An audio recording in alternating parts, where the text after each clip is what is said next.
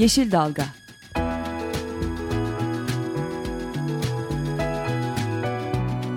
Çevre mücadeleleri üzerine.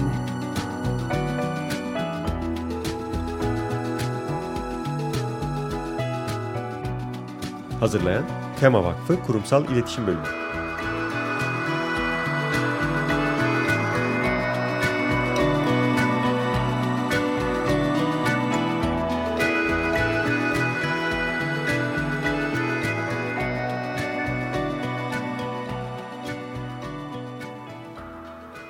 Merhabalar, bir Yeşil Dalga programında daha sizlerle beraberiz. Ben Gökşen Şahin. Ben Esra Yazıcı Gökmen. Bu hafta stüdyomuzda bir de konuğumuz var. Akif Burak Atlar bizimle beraber. Şehir Plancılar Odası İstanbul Şube Sekreteri. Hoş geldin. Hoş bulduk, merhaba. Hoş, hoş geldin. Bu hafta e, bu Polonezköy koruma amaçlı imar planını konuşacağız. Arkasından da işte yapılan itirazları konuşacağız ama ona konumuza geçmeden önce her hafta yaptığımız gibi bu haftanın iyi haber kötü haberinden başlayalım istiyoruz. Elimizde bir tane iyi haber var. İstersen onu da başlayalım. Ona öncelik verelim. E, Vakıflar Genel Müdürlüğü'nün bir açıklaması gördük. Kendilerine ait arazilerden tarımsal üretime ve başka kullanımlara uygun olmayan arazilerde güneş enerjisi üretmeyi planlıyorlarmış.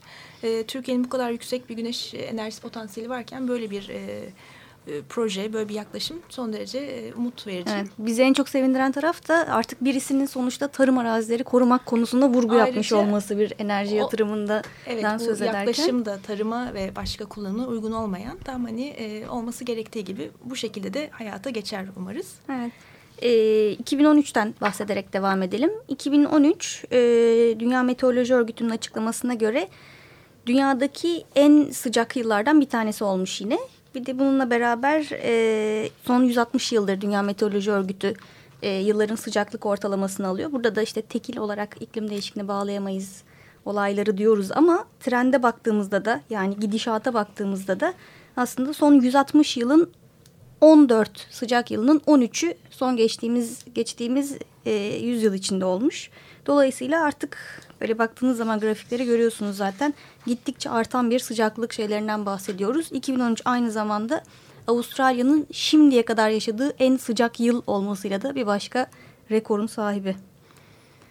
Ee, bir diğer haberimizde e, Akkuyu'dan, Mersin e, Akkuyu'da yapılması planlanan nükleer enerji santrali ile ilgili. E, bu enerji santralinin yer lisansını Türkiye Atom Enerjisi Kurumu 1976 yılında vermişti. Geçtiğimiz aylarda da 6 Aralık 2013'te e, yine Türkiye Atom Enerjisi Kurumu bu yer santralini e, yeniledi. E, ve buna da birçok yerelde Mersin Nükleer Karşıtı Platform, Mersin Barosu, Mersin Tabipler Odası başta olmak üzere birçok sivil toplum kuruluşu ve vatandaş itiraz etti. Çünkü 1976 yılında verilmiş bir yer lisansı. Hatta o dönem bu lisansa imzalayan hocalar şu anda buna karşı gerek... açıklamalar da yapabiliyorlar. Dolayısıyla bunu e, aynen kabul etmek m, çok büyük bir hata ve bununla ilgili de dava açıldı. E, bir diğer nokta da hep e, geçtiğimiz günlerde konuşuldu. Çet süreci tamamlanmadan burada e, inşaat başlandı. Evet. başlandı. Yetkililer de bu e, nükleer e, santralle ilgili yetkililer şöyle bir açıklama yapmışlar. Bu aslında santral inşaatı değil. E, taş ocağının e, çalışmalarıydı ve bir nolu taş ocağını bitirdik diye. Ee, Ama bir şekilde itirazlar ciddi. sonucunda da oradaki inşaat durduruldu. Durdurulmuştu şu anda. Evet. Evet ve davada açılmış. Biz de ayrıca aslında bir e, dava diğer konu da e, 100 bin ölçekli çevre düzeni planı Mersin, e, Adana. E, burada da yine e, nükleer enerji santrali e, gözüküyor planlanmıştı. Ona da yine birçok STK, e, Tema Vakfı da itiraz etti. Dava süreçleri de başladı. Hı. En son bir küçük duyurumuzu yapalım artık buna iyi haber kötü haber değil ama e, Rantalya Maratonu yaklaşıyor. Öyle son artık üç haftamız kaldı maraton öncesinde. E, maratonda da adım adımın bu yılki adım adım oluşumunun koşacağı sivil toplum kuruluşlarından bir tanesi Tema Vakfı. Tema Vakfı'nın Dünyayı Kurtaran Adım projesi için koşacaklar. Bununla ilgili Tema Vakfı'nın web sitesinden e, daha fazla bilgi alınabilir. Ama projenin genel içeriği Türkiye'nin her tarafında çevre konusunda çalışmaya çalışan gençlerle ilgili yerelde mücadele etmeye çalışan gençlere neler yapabileceklerini eğitecek bir eğitim programı tasarlamak. E, bunun için de tabii ki o gençleri bir araya getirebilmek için e, projemize destek gerekiyor. Konuyla ilgili daha fazla bilgiyi tema.org.tr'den ya da adımadım.org adresinden alabilirler diye bir küçük de duyurumuzu yapalım. Şimdi tekrar Polonezköy'e geri dönelim isterseniz. E, ben ilk soruyu iki şehir plancısının ortasında cehaletimi sergileyerek başlamak istiyorum. E, koruma amaçlı imar planı nedir? Bunun normal imar planından ne farkı vardır? E, tabii ana olarak e, aslında e, bir farkı yok. İmar planları düzenleyicidir. Herhangi bir bölgede yerleşim bölgesi olabilir. E, yerleşim bölgesi olmayabilir ama o bölgede düzenleyici olan bir yasal idari işlemdir imar planı. Koruma amaçlı dediğiniz zaman da adı üzerinde e, koruma e, vizyonuyla hazırlanmış olması gerekir ve sit alanları için hazırlanır. E, doğal, e, arkeolojik, e, tarihi, kentsel sit alanları için 2863 sayılı e, koruma yasasına paralel olarak hazırlanan imar planlarıdır. E, Polonezköy için geçtiğimiz günlerde e, kamuoyunda oldukça tartışılan ve e, birçok e, meslek örgütünün, e, çevre örgütünün, vakfın, derneğin e, ortak olarak itiraz ettiği planlarda e, böyle bir koruma planı. Evet, peki içeriği neydi bu planın? Yani böyle bir ihtiyaç nasıl doğdu? Öyle bir imar planının yapılması ile ilgili bir ihtiyaç nasıl doğdu ve buna itirazlar niye oldu diye soracağım aslında. Tabii burada hani imar planı yapılmak zorunda olan bir e, bir çalışma. Yani imar planı niye yapıldı diye sormamak lazım. Hı hı. İmar planı gerekli bir çalışma. E, fakat planın içeriğine bakmak lazım. E, planın içeriği Polonezköy e, tabiat parkı alanını, köy içi yerleşik alanını e, olması gerektiği gibi e, koruyan bir planla mı e, tanıştı? Yoksa planda e, belli itiraz noktaları var mı? E, bu, biz bu itiraz noktalarına zaten dikkat çekmeye çalıştık geçtiğimiz günlerde ama kısaca özetleyecek olursak hı hı. E, önemli bir bölge olan hem doğal sit hem tabiat parkı alanı ve o tabiat parkının içindeki köy e, içi yerleşik alanı için yapılan bu planlar bir anlamda e, orta vadede bölgenin e, doğal niteliğini tahrip edecek e, imar kararları içeriyordu. İşte e, turizm ve konaklama e, fonksiyonuyla beraber konut amaçlı bir yapılaşmayı öngörüyor. E, ve açıkçası e, belli imar notları e, plandan çıkarılarak aslında belirtilen ve mütevazi gözüken o yapılaşmanın çok üzerinde bir e, yapı yoğunluğunu bölgeye getirebilecek e, plan notları e, plandan çıkarılıyor. Hı hı. E, ve tabii e, o bölgenin parsel yapısına baktığınız zaman orada çok küçük emsaller verilmiş gibi gözükse de e, parsellerin büyüklüğü göz önüne alındığında ve elbette e, parsellerin niteliği, doğal niteliği göz önüne alındığında bunun e, bu noktada itirazları e, şekillendirebiliyoruz ve zaten e, iki hafta oldu sanırım.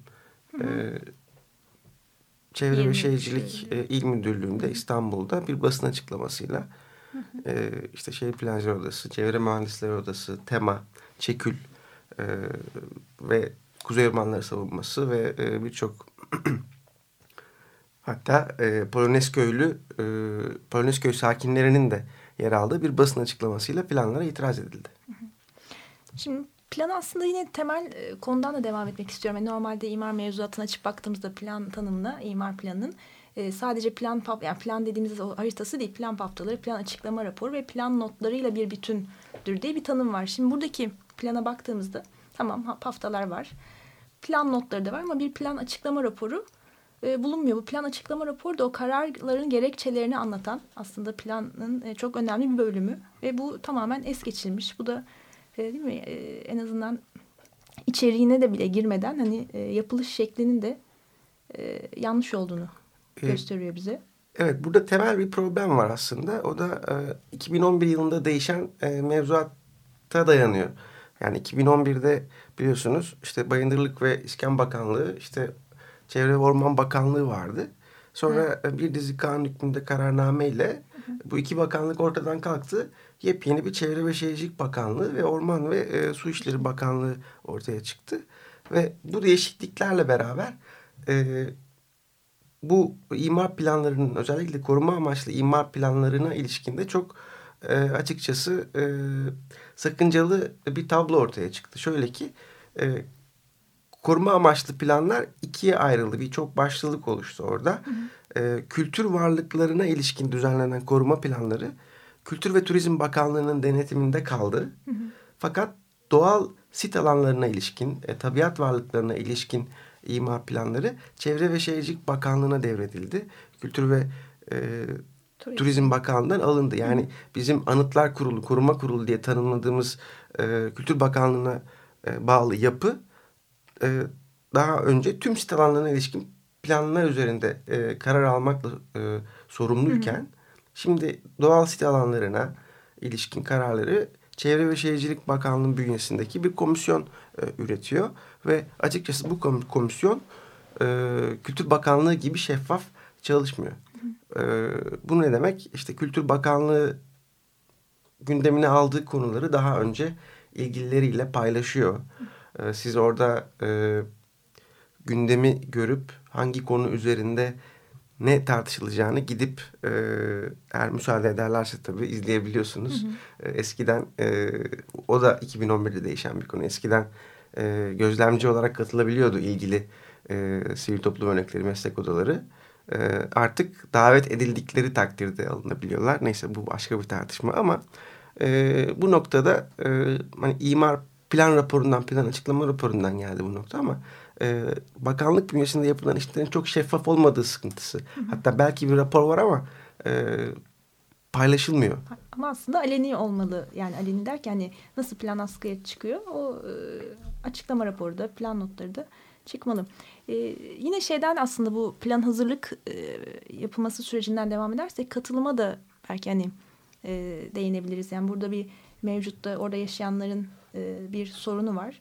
Bu sorun üzerine eğer bir plan yapıldıysa aynı şekilde o hazırlık sürecinde de e, çok daha katılımcı bir aslında katılım biraz daha genel yani her sorunun çıktığı her noktaya baktığımızda bir noktada katılımda bir sıkıntı olduğu için yani işte imar planlarında örneğin E, yine orada yaşayan insanlara sorulmadığı için daha geniş sorunlara baktığımızda da yine o bölgede yaşayan insanlara sorulmadan çeşitli planlar ya da uygulamalar yapıldığı için birçok e, sorunun çıktığını görüyoruz. Polonez köyde de örneğin işte Polonez köylülerin itiraz ediyor olması e, sorunun başlıca nedenlerinden bir tanesinin bu katılım sürecinin net belirlenmemiş olduğunu ortaya koyuyor gibi. Evet yani belirttiğimiz gibi yani imar planı bu yüzden gerekiyor zaten. Bir bölgedeki ihtiyaçları şekillendirmek e, için gerekiyor. E, bu noktada bir ihtiyaç olduğunu zaten e, alanda e, yaşayan Polonezköy sakinlerini dinledikçe, dinleyince e, ortaya çık çıkarabiliyorsunuz. E, bu yüzden imar planları yapılır ve e, belli bir süre sonra yeniden yapılır. Çünkü yeni ihtiyaçlar şekillenir. Ama e, her ne kadar bir imar planı ihtiyacı e, ve belli şikayetleri olsa da Polonezköy sakinleri onlar da bu plana itiraz ediyorlar. Çünkü e, onların beklentilerinin e, çok da karşılanmadığı aslında e, farklı noktalara e, üzerine odaklanmış e, bir e, koruma amaçlı. U uygulamada yani onların e, sorunlarını çözmekten çok başka sorunlar yaratabilecek düzeye gidebileceğini onlar da endişe ediyorlar evet, uygulama aşamasında. Evet kesinlikle öyle bir endişeleri var. Yeni bir plan ve o plan yapılırken de kendilerinin de plan sürecine katılması yönünde bir talepleri var. Bu sizin de bahsettiğiniz gibi kent yönetimlerinin temel sorunu e, Türkiye'de. Sadece Polonezköy'de değil, e, İstanbul'un her ilçesinde, her noktasal mekansal kararında, hepimizin hayatını ilgilendiren çok önemli e, planlama kararlarında e, İstanbullular söz sahibi değil. E, böyle bir yaklaşım problemimiz var. Polonezköy'deki de bunun en güncel örneklerinden biri. Evet. Şimdi bir kısa şarkı arası verelim. Şarkı arasından sonra tekrar sohbet etmeye devam edelim e, Pete Seeger'dan dinleyeceğiz galiba ama şarkının, şarkının adını birazdan tekrar anons ederiz.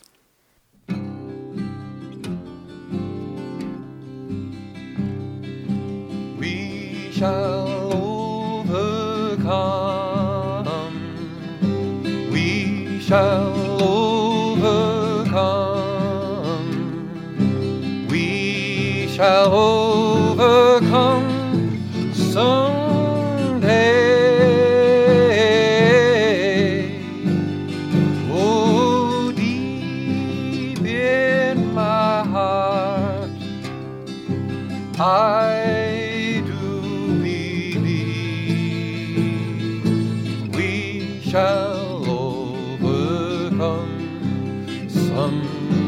someday.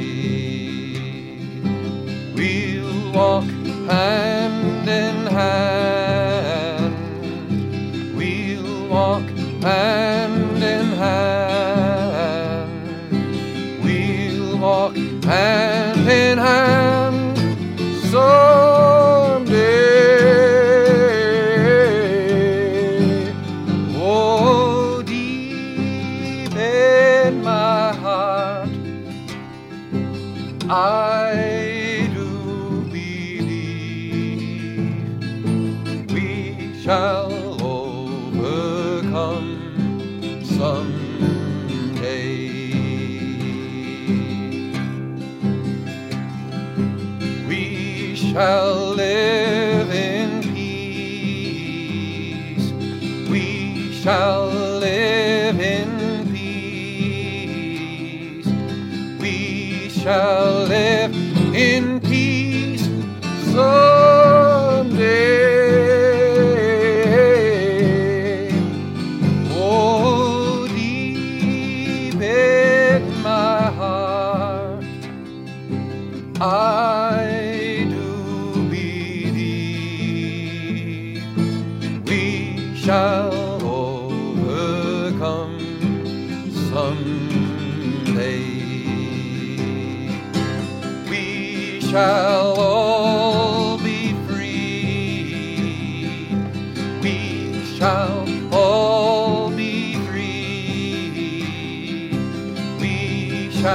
all be free someday. Oh, deep in my heart, I do believe we shall. Evet, Pete Seeger'dan e, We Shall Overcome'ı dinledik. Şimdi Polonesko ile ilgili sohbetimize devam ediyoruz. Konuğumuz Akif Burak Atlar, Şehir Plancılar Odası İstanbul Şube Sekreteri. E, bu planın itirazlarından, plana katılım sürecindeki sorunlardan bahsettik. Ama plandaki hani itiraz edilen noktalar neler? Biraz onları konuşalım. Ee, aslında e, ilk bölümde e, biraz değindiğim konuları şu an tekrar değineceğim. Bir tanesi e, işleve ilişkin.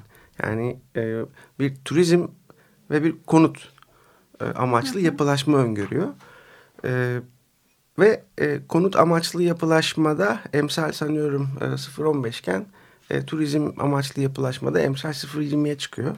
Yani hem e, bir turizm fonksiyonuna e, bir cezbedici bir e, e, şey tanınıyor. Yapılaşma hakkı tanınıyor. Ve bu emsaller çok az gibi gözükse de az önce belirttiğim gibi parseller çok büyük. E, eğim eğimli bir e, arazi ve belli fonksiyonlarda e, işte çatı eğimi gibi e, ya da otopark alanı gibi e, vesaire böyle e, sıkıntı noktalarında emsal dışında bırakacak e, bir e, imar planı düzenlemesi ortaya çıkıyor. Yani görünenin çok çok üzerinde bir e, Yapı yoğunluğu. yapı yoğunluğu geliyor. Bu yapı yoğunluğu demek nüfus yoğunluğu da demek aynı zamanda. Ee, nüfus yoğunluğu ortaya çıkınca nüfusun ihtiyaç duyucu, duyacağı e, donatı alanlarına ilişkin plan kararlarını yine göremiyoruz. Ee, ve tekrar bakarsak e, Polonez köylülerin de itiraz ettiği noktada hani bölgenin e, kullanıcı e, profilini ve kullanıcı sayısını e, bölgenin nüfusunu e, arttıracak, yapı yolunu da arttıracak ve bölgenin e, tamamen farklı e, eşiklere dayanmasına yol açacak e, bir imar planı düzenlemesi. Bir de aslında plan içinde de çelişkiler var. Mesela bir e, yerde diyor ki köy yerleşim alanının mevcut genel dokusunu bozacak uygulama yapılamaz diyor. Diğer tarafta senin anlattığın gibi emsal değerler yüksek. E, işte spor alanları, e, perakende ticaret alanları gibi şu an mevcut dokuyla uyuşmayan e, kullanımlar da öneriyor. Dolayısıyla bu aslında plan içinde de e, hem korunacak diyor ama o korumayla bağdaşmayan öneriler getiriyor. Bu da çok ciddi e, uygulamada da soruna neden olacak çelişkiler. Yani imar planlarının daha net olması gerekir. Daha belirleyici, daha net.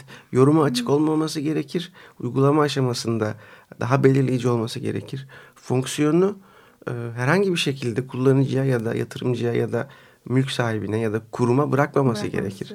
Bu çok yapılan bir yanlış e, son zamanlarda. Yani bir e, plan notu tanımlanıyor ve o plan notunda aklınıza gelecek her fonksiyonu dillendirip onların herhangi bir yer alabilir diyor. Bu planlama ilkesine tamamen e, aykırı bir husus. Boynuzköy'de de böyle bir belirsizlik e, var. Var.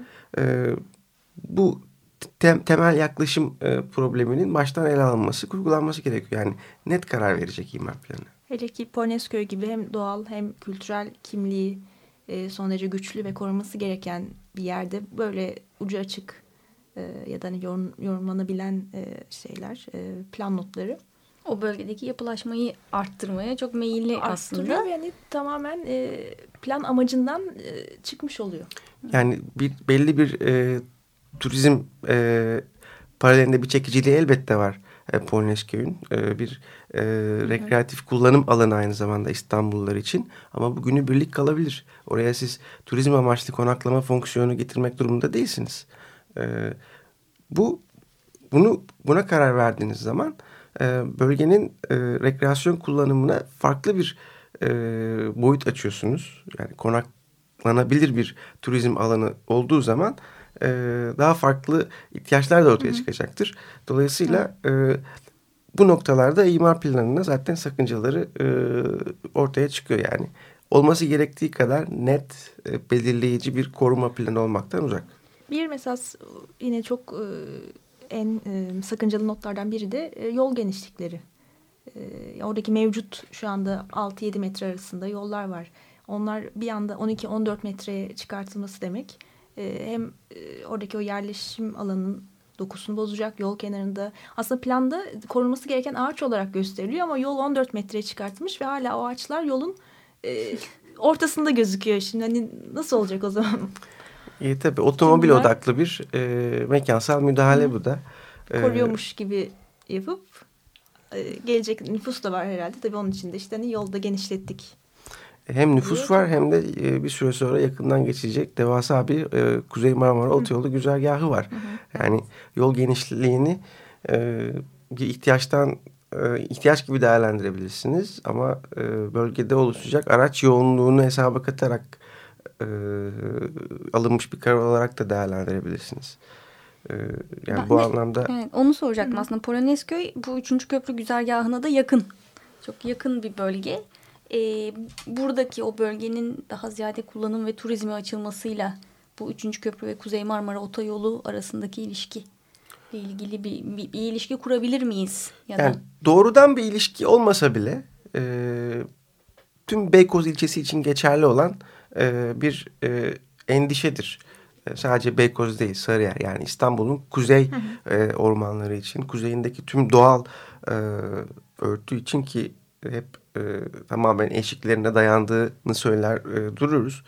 E, üçüncü köprü e, en başından beri söylediğimiz gibi bir ulaşım planı değil, projesi değil bir emlak projesi olarak ortaya çıkıyor ve biz e, mevcut karar mekanizmalarının nasıl işlediğini de bildiğimiz için bölgede oluşacak e, yapılaşma baskısını e, önleyemeyeceğini de e, öngörebiliriz. Böyle bir endişe e, sahip olmakta da son derece haklıyız. Çok ciddi tecrübelerimiz var. E, bütün resme baktığınızda e, 3. Boğaz Köprüsü, Yeni Havalimanı, işte Kuzey 2 Yenişehir, Kanal İstanbul, rezerv alanlar. E, üstüne yeni bir de ilan edilen kongre merkezleri gibi şeyler. Evet üstüne bir de Polonezköy gibi ya da Beykoz ilçesinde, Sarıyer ilçesinde noktasal e, farklı buna benzer planlar gibi e, yapı yoğunluğunu e, ve nüfusu arttıracak kararlar da ek- eklenirse e, yani çok daha vahim bir noktaya gittiğimizi görmemiz anlamında çarpıcı bu şekilde ilişkilendirilebilir. Peki ben hemen yine tekrar aslında hatırlatmak amacıyla e, tekrar sormak istiyorum. İstanbul'un kuzeyindeki ormanlar çünkü birçok insan aslında yani İstanbul'un güneyinde yaşayan insanlar İstanbul'un kuzeyindeki ormanların hiç gitmemiş olabiliyorlar. Yani orada e, çok büyük şehir, nüfus yoğun, saatler sürüyor trafik. Ama neden önemli İstanbul'un kuzeyindeki ormanlar? Yani o bölgeyi korumak şimdi yavaş yavaş işte bu üçüncü köprü, üçüncü havaalanı gibi projelerle tehdit edilen o bölgenin İstanbul için neden önemli olduğunu bir kere daha e, bence hatırlatsak o faydalı olur diye düşünüyorum. E, çevre düzeni planı aklıma geliyor hemen siz böyle söyleyince ki 2009 yılında e, sakıncalı belli kararları da olsa İstanbul'un kuzeyini tamamen e, korumayı öngören e, ormanları, su havzalarını, işte tarımsal niteliği önemli olan toprakları bir anlamda İstanbul'un e, sürdürülebilir e, li anlamında öne çıkan bu alanları korumayı öngörüyordu. Fakat e, 3-4 yıl içinde tamamen noktasal kararlarla e, bu e, plan ilkeleri zaten terk edildi. E, İstanbul'un kuzeyi önemli çünkü e, İstanbul yaşayacak, yaşaması gereken bir şehir ve çok ciddi bir nüfus e, İstanbul'da yaşıyor ve e, bu gibi imar kararlarıyla basit bir örnek verelim. Çok ciddi bir su sıkıntısı e, yaşayabilir İstanbul. Çok ciddi bir e, hava sıkıntısı yaşayabilir. E, İstanbul'un akciğerleri benzetmesi çok da e, e, boş bir benzetme değil bu bakımdan. Hani e, siz tabii daha iyi biliyorsunuz. Hani Tema Vakfı olarak e, daha e, yakışıklı cümleler kurabilirsiniz bu anlamda ama e, sonuçta e, korumakla ve İstanbul'un geleceğine e, taşımakla e, yükümlüyüz ve kent yönetiminin de e, kent adına karar alan her kurumun belediye olabilir, bakanlık olabilir her kurumun e, örnek bir e, davranış sergilemesi, karar mekanizmalarında örnek olması, son derece katı olması e, ve taviz vermemesi, e, emsal oluşturmaması e, bu tip e, ayrıcalıklı kararlara yönlenmemesi gerekir. Bu anlamda e, kamu kurumları ve e, yetkili karar kurumları örnek davranmadığı için e, bizlere çok iş düşüyor bu anlamda. Biz de e, bu konuda e, mücadele etmeyi sürdürüyoruz. Evet. Programın sonuna geldik. Şimdi e, Polonez Köy'ün bu koruma amaçlı imar planını ve ona yapılan itirazları konuştuk. E, önümüzdeki hafta görüşmek üzere. Şimdilik hoşçakalın. Hoşçakalın. Hoşçakalın. Yeşil Dalga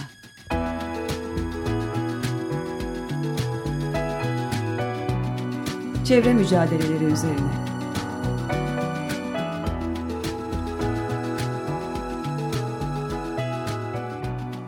Hazırlayan Tema Vakfı Kurumsal İletişim Bölümü.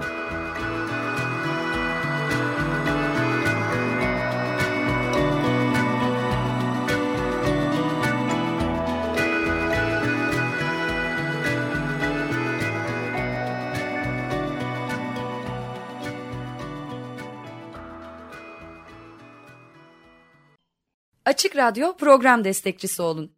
Bir veya daha fazla programa destek olmak için 212 alan koduyla 343 41 41